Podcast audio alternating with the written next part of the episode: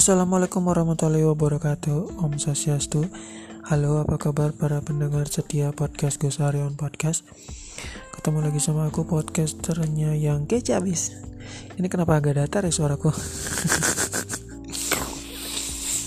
Oke episode hari ini adalah 81 yang ya ya yang kemarin uh, udah 80 Ih udah 81 aja nih. Ih. Ya dan ini masih berlangsung. Oh masih berlangsung. Oh ya mantap. Ya ya ya. Oke oke. Ini baru pertama kali yang ngetik pakai anchor langsung guys. Oke buat kamu yang mau ya apa namanya? Gimana sih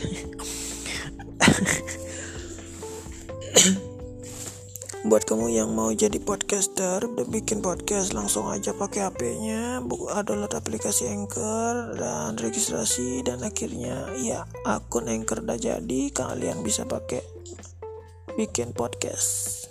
Udah itu aja.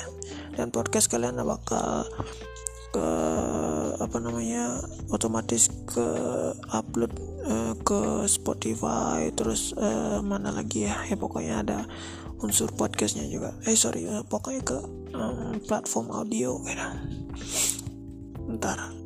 Nah, ada mantap.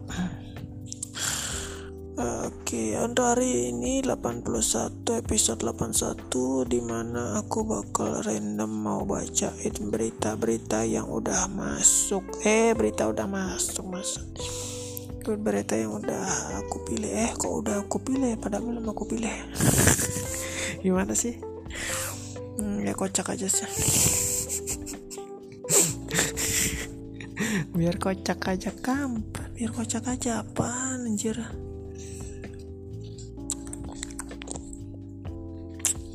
viral video apa nih perempuan pamer alat vital pamer pamer payudara.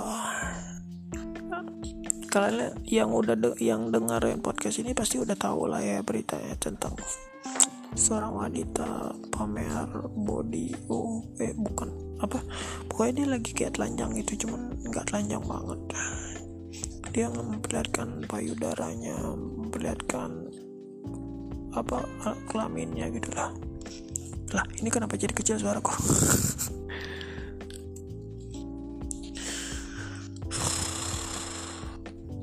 mohon maaf ini kayak ada suara. Eh suara aku Tar, itu tadi ada berita yang apa namanya kayak viral video perempuan pamer ala vital di bandara. Terus kita uh, what? Ini apa lagi nih? Sering pakai dompet digital waspada modus penipuan ini. Uh, gimana? Hmm.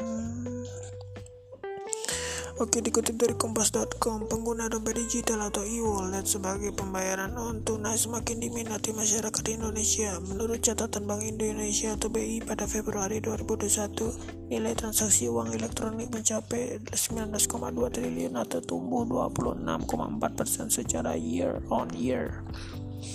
Selain mudah dan praktis, penggunaan dompet digital juga menjadi alternatif pembayaran nil kontak atau contactless yang dipilih masyarakat demi menghindari penularan virus corona selama pandemi COVID-19. Sayangnya peningkatan pengguna dompet digital dijadikan peluang oleh sejumlah oknum untuk melakukan tindak kejahatan cyber. Berdasarkan data Direktorat Tidak Pidana Cyber atau DPID Cyber, Badan Reserve Kriminal Barreskrim Kepolisian Republik Indonesia atau Polri. Penipuan online termasuk tindak kejahatan yang banyak dilaporkan total kejahatan cyber untuk mencapai 28,7 persen. Sepanjang Januari sampai September 2020, Ditpid Cyber Barreskrim Polri telah menerima 649 laporan penipuan online 138 akses ilegal, 71 manipulasi data, dan 39 pencurian data dan identitas. Orga, uh, organisasi internasional di bidang tata kelola informasi ISACA mengumum, mengumum, sorry, mengemukakan bahwa social engineering merupakan modus keamanan digital terbanyak yang digunakan pelaku kejahatan cyber. Social engineering merupakan tindakan mengelabui, mengelabui dengan mengarang atau merekayasa suatu kondisi yang dapat memengaruhi, memengaruhi sisi psikologi yang ko, sorry memengaruhi sisi psikologi sang korban. Tujuannya untuk mengendalikan dan mendapatkan data pribadi korban. Bahkan modus ini kerap di menjebak korban melakukan kesalahan keamanan. Ada beragam teknik yang dilakukan pelaku dalam praktik social engineering. Salah satunya adalah phishing. Phishing merupakan sebuah upaya menjebak korban untuk mencuri informasi pribadi yang kerap digunakan dalam penggunaan dompet digital. Informasi yang dicuri bisa berupa personal identification number atau PIN dan one time password atau OTP. OTP. Aksi phishing bisa dilancarkan melalui berbagai media seperti email, media sosial, panggilan telepon, dan short message service SMS. Saat menghubungi target, pelaku phishing akan berpura-pura menjadi pihak resmi yang mungkin pengguna kenal atau percayai, seperti bank, situs jejaring sosial, aplikasi dompet digital, atau toko online. Pelaku phishing biasanya akan mengawali penipuan dengan memberikan kalimat-kalimat yang membuat khawatir atau antusias untuk memancing reaksi. Misalnya mereka mengabarkan bahwa ada aktivitas yang tidak sah dan mencurigakan pada akun pengguna. Ada juga pelaku yang berupaya menjebak dengan mengatakan bahwa calon korban memenangkan hadiah tertentu. Usai menyampaikan kabar tersebut, pelaku phishing akan mengirim mengirim korban ke situs pelak, sorry situs palsu yang telah dibuat sedemikian rupa agar mirip dengan situs resmi. Pengguna juga akan diminta untuk menyebutkan PIN atau OTP. Informasi tersebut kemudian digunakan pelaku untuk menguras uang korban, memeras korban atau menjual akun tersebut kepada penjahat lain. Tanya pengguna, pelaku bisnis pun bisa menjadi target phishing. Menurut lawan Scam Watch milik pemerintah Australia, phishing jenis ini dikenal sebagai sebutan One Link yang sorry Wan Ling yang apa ini? Kok kayak bahasa ini? Bahasa Mandarin Ling yang Chong saya lah Fong saya lah Tang Chok saya lah. Jadi bahasa Mandarin?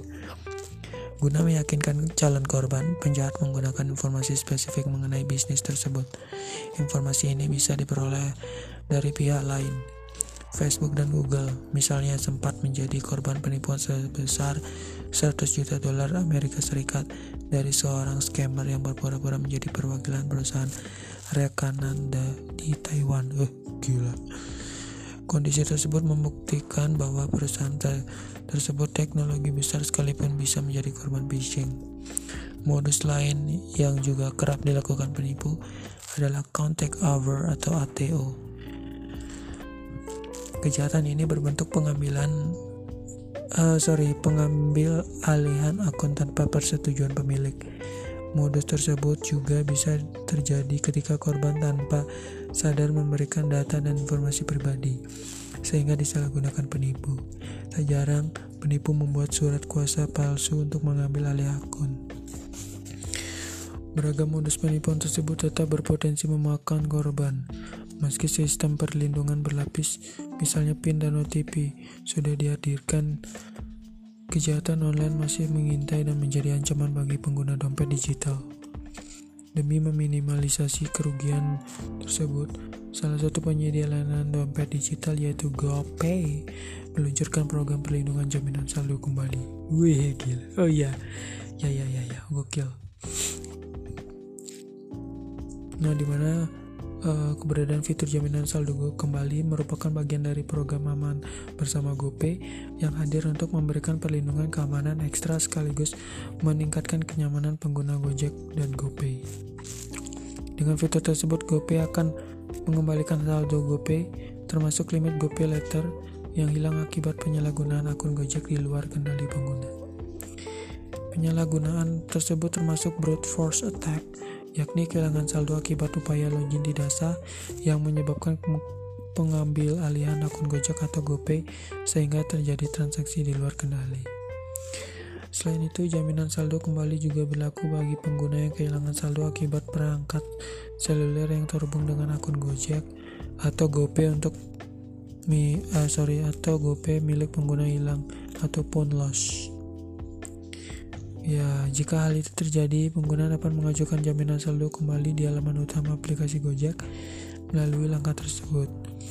Satu buka Explore, cek menu plus, klik jaminan saldo GoPay kembali atau money back guaranteed, pilih ajukan klaim atau klaim refund, isi formulir secara lengkap, cek progres klaim di menu My Tickets pada halaman utama aplikasi Gojek. Informasi selengkapnya mengenai my ticket bisa sorry ini jangan dibaca. Karena masuk tautan. Masuk link maksudnya.